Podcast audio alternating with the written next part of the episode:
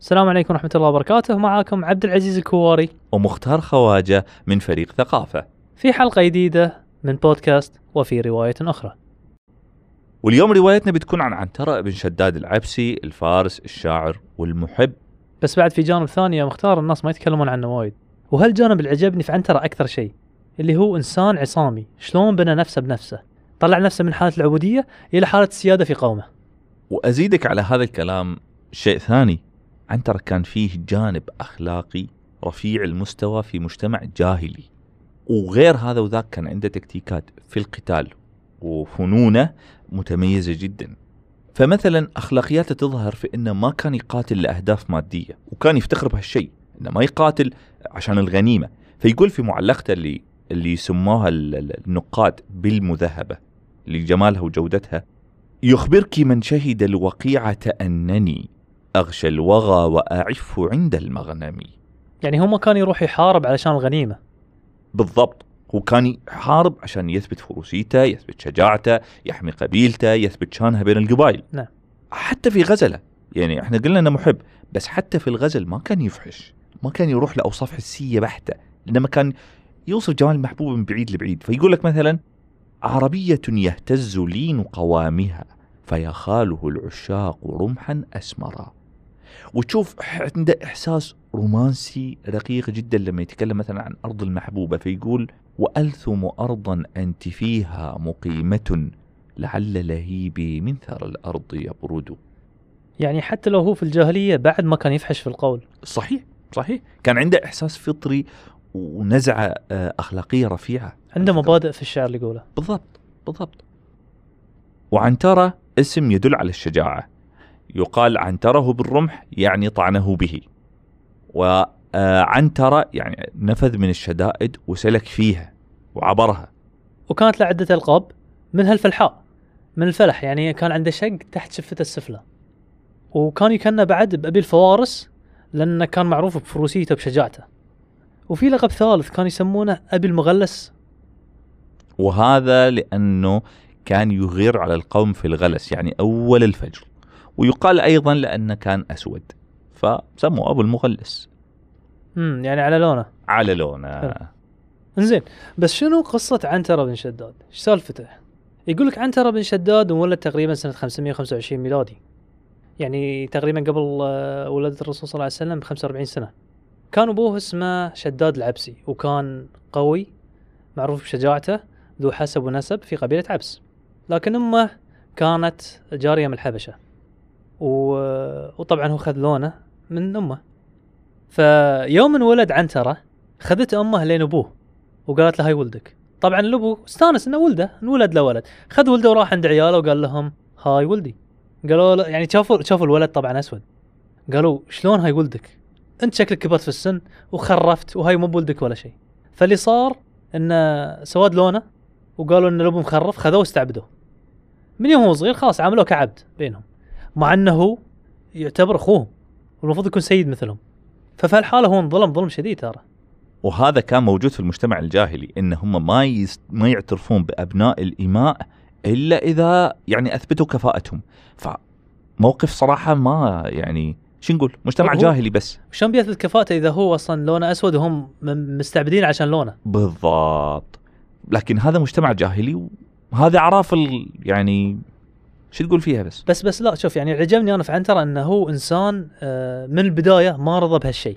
نعم. إنسان عنده عزة نفس. قال شلون الحين هذيل أخواني عندهم مكان وهم ساده في قومهم وأنا بينهم لكن مستعبديني. وولد ابوهم يعني. اي ها؟ إحنا إي. إحنا إحنا كلنا إخوان وبدم واحد. صح. شلون يخلوني كذي؟ فاللي صار إنه هو كان يبي يسوي له مكانه في قبيلته. طبعا قبل شلون كانوا ينعرفون الناس أو شلون يشتهرون في الجاهلية؟ يا بالفلوس يكون راعي مال غني يعرفون إن فلان غني. فكريم ويعطي الناس وكذا. إيه. بالضبط. أوكي. أو يكون قوي وشجاع وفارس. وطبعا حيدافع عن القبيلة في هالحالة. بالضبط. أو يكون ذو علم وحكمة. أها. لكن يعني عنترة في النهاية كان آه، مسكين. ما كان له مدخل حق المال ولا كان له مدخل حق الكتب عشان يصير حكيم ويصير ذو علم. فشاف إنه عنده فرصة واحدة اللي هي الفروسية. فهني تبدأ قصتي اللي عجبتني أنا. يجمع له فلوس شوي. راح شرى له درع ورمح وقام يقوي نفسه ويدرب نفسه على القتال بنفسه. حلو. إيه. يعني اشتغل على نقطة قوته. بالضبط اشتغل على نفسه بنفسه. تمام. طور من قدراته. بدون مدرب بدون أي شيء. طبعا.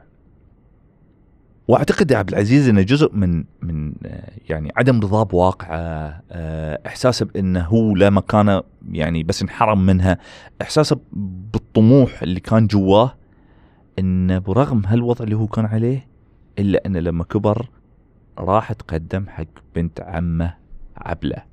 طبعا الناس كلها تعرف حب العبلة بس ما تعرف إن البداية بدت من هالنقطة. حتى قبل ما يحصل على حريته لا فكر في الموضوع وراح تقدم لأنه شايف نفسه فعلا ولد شداد العبسي السيد المعروف. وما كان راضي بواقعه كعبد. راح وتقدم. وطبعا رغم إن الفرصة كانت صفر بس بعد راح. وطبعا الفرصة كانت صفر. فما حصل على النتيجة المطلوبة. هاي يثبت لك إنه ما كان يفكر بسلبية ويت... ويتحامل على نفسه يقول لا خلاص ما في فايدة. راح. وجرب هو راح وجرب حظه رغم إن الفرصة صفر. وما يأس رغم إن الفرصة صفر. حلو. بس الحين خلينا نتكلم عن حريته. شلون خذ حريته؟ هذا المهم. نعم. يقول لك إنه في يوم من الأيام قبيلة عبس غارت على قبيلة طي وخذوا ابلهم وخذوا الغنائم اللي عندهم. على عادة الجاهليين. بالضبط. أوكي. مم. يعني كانوا مثل ما ذكرنا في حلقات حبل الشعر العرب قديما كانوا يتفاخرون إن كل واحد يغزي الثاني. كان بالنسبة لهم هاي فخر وعزة. فعقب ما اخذوا الغنائم واخذوا الأبل وكل شيء بدوا آه بدوا بينهم بين بعض قبيلة عبس يوزعون الغنائم بالتساوي بينهم بين بعض. فاللي صار إنه يوم يدور عنتر اللي قاتل معاهم ذيك الغزوة ترى. كان من أقواهم طبعا. أها. قاتل معاهم. نعم. فيوم يدور عشان يأخذ الغنيمة قالوا له لا إحنا ما نعطيك آه، بالتساوي مثلاً. نفسنا. أوكي. قال لهم ليش؟ أيوه. قال لا إحنا ما نعتبرك حر أصلا أنت أنت عبد فنصيبك هو النص اللي إحنا ناخذه. هني عنتر عصب. يعني شل في خاطره قال آه، عنده الريال عنده عزة نفس ما عجبت السالفة. فتركهم وراح عنهم. قال خلوا لكم. راح وقعد بعيد. في نفس الوقت هم قاعد يريحون عقب ما قسموا الغنايم. من اللي ياهم. من؟ قبيلة طي قبيلة طي غارت عليهم عشان تاخذ بالثار. زين. فقامت مثل ما تقول معركة كبيرة بينهم. وكانوا بني عبس يعني مضغوطين لدرجة إنه خلاص إنه بينهزمون. فأبو عنتره طبعا راح حق عنتر. شاف عنتر قاعد. قال له كر يا عنتر. يعني يهجم إي قال له اهجم. طالعه. قال العبد لا يحسن الكر. إنما يحسن الحلب والصر. مو هذا اللي أنتم تبوني فيه؟ أوكي بسوي يعني, يعني قال له قال لهم قال لهم أنا عبد أنا ما ما ما في ما أعرف أهجم ما أعرف أقاتل. اي أنتم قلتوا أنا عبد اخدمكم آه، أحلب آه، الإبل بس هاي شغلتي. اي ما دمتم أنتم اعتبرتوني عبد فخلاص. فطبعا أبوه توهق الحين. آها. عندك فارس قوي يقدر يدافع عن القبيلة. شلون شلون تخليه يقوم الحين يدافع عنهم عقب ما ذلوه؟ قال له يا عنترة كر. وأنت حر. أيوه هني خلاص اعترف فيه. طبعا هني عنتره يعني وصل حق الشيء اللي هو كان يتمناه من زمان. بالضبط. حريته. نعم. هو سمع هالشيء قام. قام وراح يقاتل بشجاعة بكل شجاعة بكل قوة. فقال هنا أبياته اللي يفتخر فيها في نفسه في أثناء المعركة ودفاعه عن جماعته قال أنا الهجين عنتره كل امرئ يحمي حرة أسوده وأحمره. والشعرات المشعرة. وفي رواية أخرى أسوده وأحمره الواردات مشفرة. يعني حتى هو يقاتل قام يشعر. طبعا بالعكس هذه أحلى مناسبة للشعر انه تحرر حصل آه يعني اللي كان يبغيه بالضبط والحين بيأدي دوره تاما في القبيلة. فبهالطريقة انتصروا على آه، قبيلة طي وقدروا ياخذون الغنايم واحتفلوا بعنتره وكرموه وطبعا احتفلوا بسيادته. بينهم اعترفوا فيه نعم. خلاص. بس في هالحالة يا أخي الناس يمكن يقولون بس ليه يعني هو لونه أسود؟ شلون بيكون سيد على قومه؟ صحيح. الواحد يقول يمكن لا يمكن كان يستحي لأنه لونه أسود. بالعكس عنتره كان يفتخر بلونه الأسود. حتى إنه كان في بيتين أنا عجبوني وايد. كان يقول فإن أكو أسودا فالمسك لوني وما لسواد جلدي من دوائي. ولكن تبعد الفحشاء عني كبعد الأرض عن جو السماء. يعني هنا يظهر لك من هالبيتين عبد العزيز وفعلا اختيارك مضبوط. يعني مش بس إنه شايف إن أنا عادي ولوني أسود وشي لا. أوكي أسود وهالسواد ما راح يتغير؟ لكن الأهم من سواد لوني أو بياضة إن أنا إنسان ما أقرب الفواحش. مثل ما الأرض بعيدة عن السماء فأنا الفواحش بعيدة عني تماما. فهو يفتخر بأخلاقه وكرم نفسه وإن اللون هذا مش قصة كبيرة يعني بالعكس ليش أنتوا واقفين عندها؟ هو ما. يشوف هو ما يشوف إن هاللون نقمه بالنسبة له يقول, هاي نعمة بالنسبة له. صحيح لأن هاللون خلاص بيبعد عنا الفواحش تماما يعني. بس مع هالسمات كلها والفروسية آه، فرصة عنتره في إنه يظهر أكثر وأكثر مش بس في الغارات السريعة لكن ظهرت في الحرب اللي استمرت 40 سنة حرب داحس والغبراء. وطبعا داحس والغبراء أصلا صارت بين القبيلتين عبس وذبيان مع أنهم عيال عم. بس المشكلة إن سباق خيل كانت داحس والغبراء فرسين لعبس وكانوا سريعين والذبيان شاركوا في السباق بفرسين أيضا. وحصل غش من ذبيان ففازت خيولهم. فكل من هني كل من هناك ولعت الحرب وصارت المعارك اللي استمرت 40 سنة. يشوف سبحان الله يعني في البداية ترى يقول لك إنه كانوا عادي خلاص يعني فازت خيل وخسرت خيل قالوا مو مشكلة. فيوم قبيلة عبس دروا ان قبيلة ذبيان غشوا في السباق قوموا حرب استمرت 40 سنة. 40 سنة ترى عمر. عمر أجيال تروح يا ريال فيها. ومع ذلك مستمرين. شو السالفة؟ فهني ظهرت فروسية عنتره والقتال ودفاع عن قبيلته. من المعارك اللي صارت في حرب داحس والغبراء كانت معركة يوم الفروق. أيوه. في هالمعركة تواجه آه، عنترة مع فارس قبيلة أخرى اسمه معاوية بن نزال وكان مقاتل قوي ومعروف بفروسيته لكن عنترة بقوته وذكاء. بالضبط قدر ينتصر عليه فازدادت شهرته عنترة عند القبائل الأخرى كمقاتل قوي وشجاع.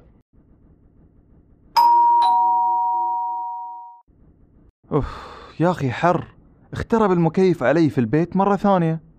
بسيطة يا أخوي. جرب الفيتري. مشروع جديد في قطر ويصلحون لك مكيفاتك وكهربتك وحتى سباكة البيت. وفوق كل هاي يضمنون لك الوقت والنظافة والجودة. تدري أهم شيء الالتزام بالوقت عطني رقمهم. سجل عندك أربعة صفر ثلاثة ثمانية سبعة واحد ستة واحد. وللتواصل على الواتساب خمسة صفر اثنين اثنين أربعة أربعة أربعة صفر. وبعد انذكرت معركة ثانية تسمى معركة ذات الحواجز. واستمرت يومين بين قبيلة عبس وقبيلة أخرى وقدروا قبيلة عبس بس- بمساعدة عنترة أن ينتصرون عليهم انتصار بطولي. ووقعت معركة ثالثة أيضا مشهورة أيضا مع بني سليم لأن بني عبس على عادة العرب الأولين يتنقلون في المناطق فانزلوا عند بني سليم في مرة من المرات. بني سليم منعوهم ما في طريقة للتفاهم بني سليم شدوا المسألة وصار فيها حرب. يا جماعة بدون مبرر. أوكي بدون مبرر. فبني عبس قاتلوا. الغارة من بني سليم كانت مفاجئة لدرجة أن بني عبس شلوا وشردوا. فمن اللي تم يدافع عن النساء؟ عنترة وهم طبعا ما انسحبوا هم شردوا. شردوا شردوا شرد حرفيا شرد يعني تركوا متاعهم وكل شيء حتى نسوانهم تركوهم وراحوا عنترة وقف. هني عنترة وقف تماما ورد الفرسان المهاجمين من بني سليم إلى أن تجمعوا شباب عبس مرة ثانية. طبعا الفشيلة. عنترة يدافع بروحه ما يصير. إي واحد يتهاوش يدافع عن النسوان كلهم وأنتم تشردون؟ تشو... طبعا. كل واحد آه، حرمته بتلومه بعدين. فرجعوا فرج هو فضيحة. تهد حرمتك ويدافع عنها واحد غيرك. فرجعوا وكملوا قتال وصدوا بني سليم. زين الحين في موقف ثاني أنا عجبني في عنترة زين عقب المعارك هذه كلها وحرب داحس الغبراء سمعت عنترة كفارس قوي وشجاع ارتفعت بين القبائل وانتشرت بين الناس كلها فيوال الناس وسألوا له سؤال بديهي طبعا المفروض يكون الجواب معروف قالوا له يا عنترة هل أنت أشجع الناس؟ طبعا شنو كان الجواب؟ طبعا إيش بيكون الجواب؟ الجواب بديهي. لكن رد عليهم جواب أحسن قال لهم لا أها إيش معناته؟ قال لهم أنا مو بشجع الناس أيوه فاستغربوا الناس قالوا له ليش الناس كلهم يقولون إنك شجاع؟ شلون شاع هالشيء بينهم؟ قال لهم كنت أقدم حين أرى الإقدام عزما وأحجم حين أرى الإحجام حزما ولا أدخل موضعا لا أرى منه مخرجا وكنت أعتمد ضعيف الجبان فأضربه الضربه الهائلة يطير لها قلب شجاع فأثني عليه فأقتله. يعني عنترة على قوته البدنية وقدرته على القتال كان ذكي في القتال. يعني يتبع تكتيك محدد. إيش هذا التكتيك؟ اولا لما يحس إن الأمور مناسبة يقدم يهاجم صح. لما يحس إن الأمور لا الأحسن إني أنسحب ينسحب بس بذكاء يعني بحزم. الحزم يعني التدبير. فأنسحب أحجم حين أرى الإحجام حزما يعني أنسحب لما أحس إن الأمور مش مناسبة. إيه. أوكي؟ ولا أدخل موضعا لا أجد منه مخرجا يعني ما أوهق عمري. أشوف في فتشة أقدر أدش وسط جماعة الفرسان وافرقهم وأطلع سالم ولا راح أروح وأتورط أكثر وأكثر؟ يعني لا. مستحيل يدخل مكان يتحاصر فيه. بالضبط. يعرف وين يدش وين يطلع.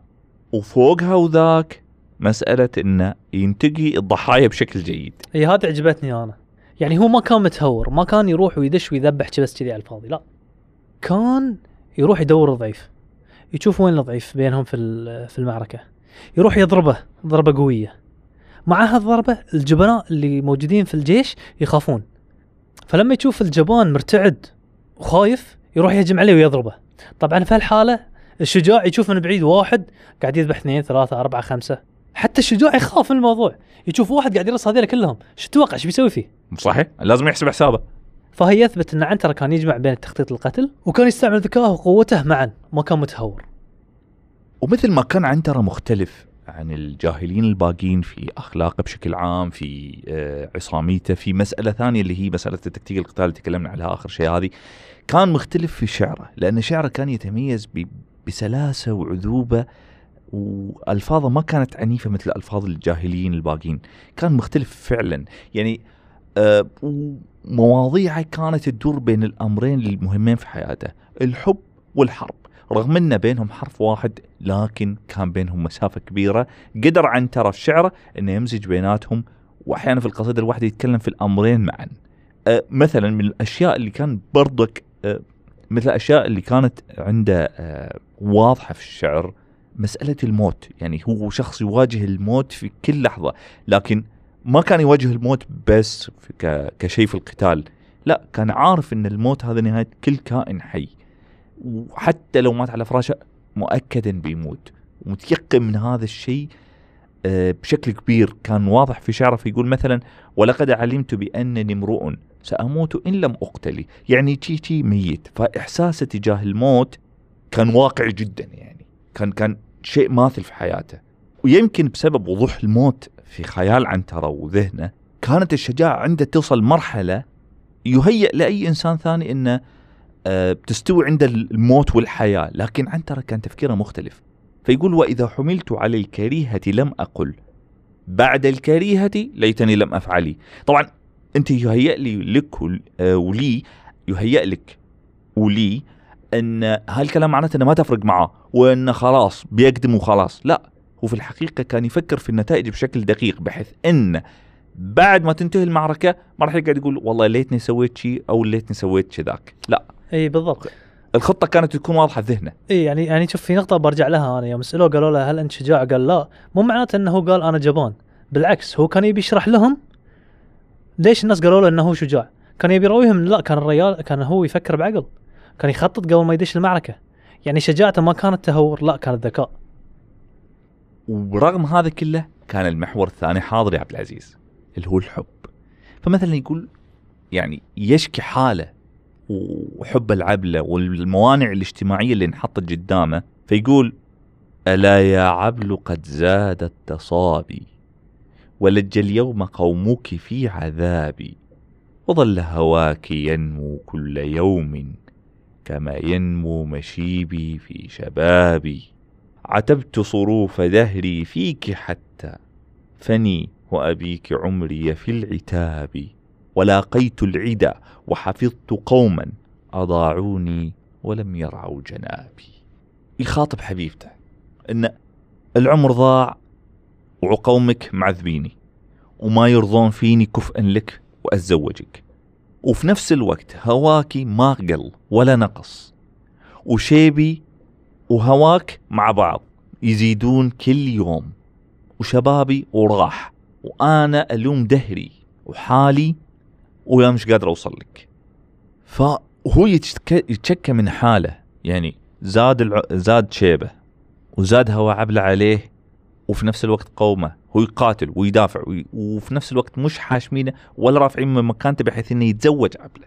يعني هاي صار يوم هو كان لحن في حالة العبودية ما كان متحرر. والله عبد العزيز ما يندرى. يمكن في رواية أخرى إنه ما كان في هذه الحالة لأنه يتكلم عن الشيب والمشيب. أنا بصراحة هاي اللي فهمته من القصيدة. وأنا يمكن ما ادري. ما ما نقدر نوصل ليقين انه متى بالضبط قال هالقصيدة. لأن بيني وبينك هو في سؤال أعقد. هل تزوج عبله ولا ما تزوجها؟ إي صح صح صح. زين هل هو تزوجها ولا لا؟ طبعا في روايات وايد. منهم روايات اللغويين يعني عندك العسكري والميدان والسيوطي قالوا إن أبو عنترة يوم اعترف فيه كولده راح آه، عمه مالك زوجه بنته على طول. يعني عبلة تزوجت عنترة عقب ما تحرر. تمام. طبعا هاي القصة مو بأكيد لكن الأكيد من الموضوع إن عنترة ما مات عزوبي تزوج. لكن تزوج من؟ الله أعلم. لأن في روايات ثانية تشوف إنه لا ما تزوج آه، عبلة. لأن عند العرب عرف إذا أنت صرحت باسم المحبوبة ما تتزوجها عقب ابدا مهما كنت ومهما سويت. بالضبط. هاي هاي شيء عند العرب قبل يعني إذا مدح بنت معينة وبالاسم بالاسم خلاص, خلاص. أبو البنت يروح يزوجها حد ثاني. حد ثاني خلاص. لكن الثابت في في القصص هذه كلها إن عنترة مات متزوجا مات متزوجا وأيضا كان يحبها نعم يحب وظل. على يحب حب يحبها. على. حبه هذا خلاص بالضبط. اي إنزين الحين مرت السنين والأيام وعنترة كبر في السن وللحين هو الشاعر الفارس المعروف القوي برغم إنه كبير في السن وشايب فشلون كانت نهايته؟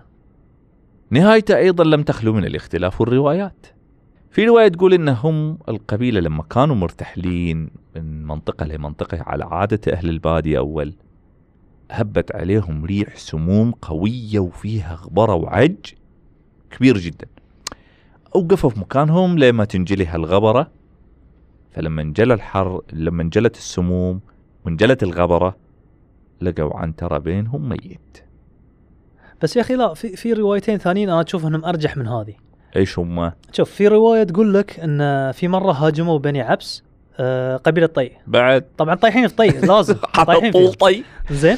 آه فيوم فازوا وانسحبوا بغنايمهم. مهم. لحقهم واحد من طيه اسمه وزر بن جابر النبهاني. يقول لك إن وزر من بعيد شاف عنترة ورماها بسهم وصاده. طيب. ومات؟ على الرواية. ما مات. يعني عنترة من كثر ما هو قوي وشديد ومعروف فرسيته وقوته أي. قدر إنه يتحامل على نفسه ويمسك نفسه على خيله لين ما وصل عند قبيلته. زين. وصل مجروح حاولوا يداومونه. ما قدروا ومات ومات. عندهم آه. يعني شوف على كبر سنه وصايدينه بسهم ويركب الخيل. قدر ومع. ذلك ما وصل. أي. اي وصل قبيلته يعني. بس في رواية ثالثة تقول لك إن بعد هاجموا طي بعد. بعد هاجموا قبيلة طي بعد. زين. آه فيوم انسحبوا مع الغنايم يقول لك إن عنترة يعني مع مع الهواش والحركة هذه كلها طاح. من الفرس. آه. ويمكن صادته إصابة ولا شيء وما قدر يركب آه مرة على الفرس ثانية. مرة ثانية. أوكي. يعني حط في بالك الرجال كبير في السن. صحيح. أي شيء يمكن ي... ياذي على طول. صحيح. ف... فيقول لك إن عنترة آه انسحب شوي شوي حاول ينخش بين الشجر زين. علشان يتوارى على الأنظار لين ما يرجع قبيلته. لكن لحقه واحد اسمه جبار وكان لقبه الأسد الرهيس. شاف عنتره قرب منه ورماه بسهم. مع إنه شافه ترى يعني يعني يعني شافه طايح ومتعور. زين. لكن رماه بسهم. والريال شايب. زين. فقالوا له الناس ليش ما أسرته؟ أول شيء عندك شايب متعور وما يقدر يتحرك. يعني كنت تقدر تأسره وتراوي الناس إن أنت الفارس اللي قبضت على عنتره بن شداد. معروف. هذا جبار في هذه الرواية.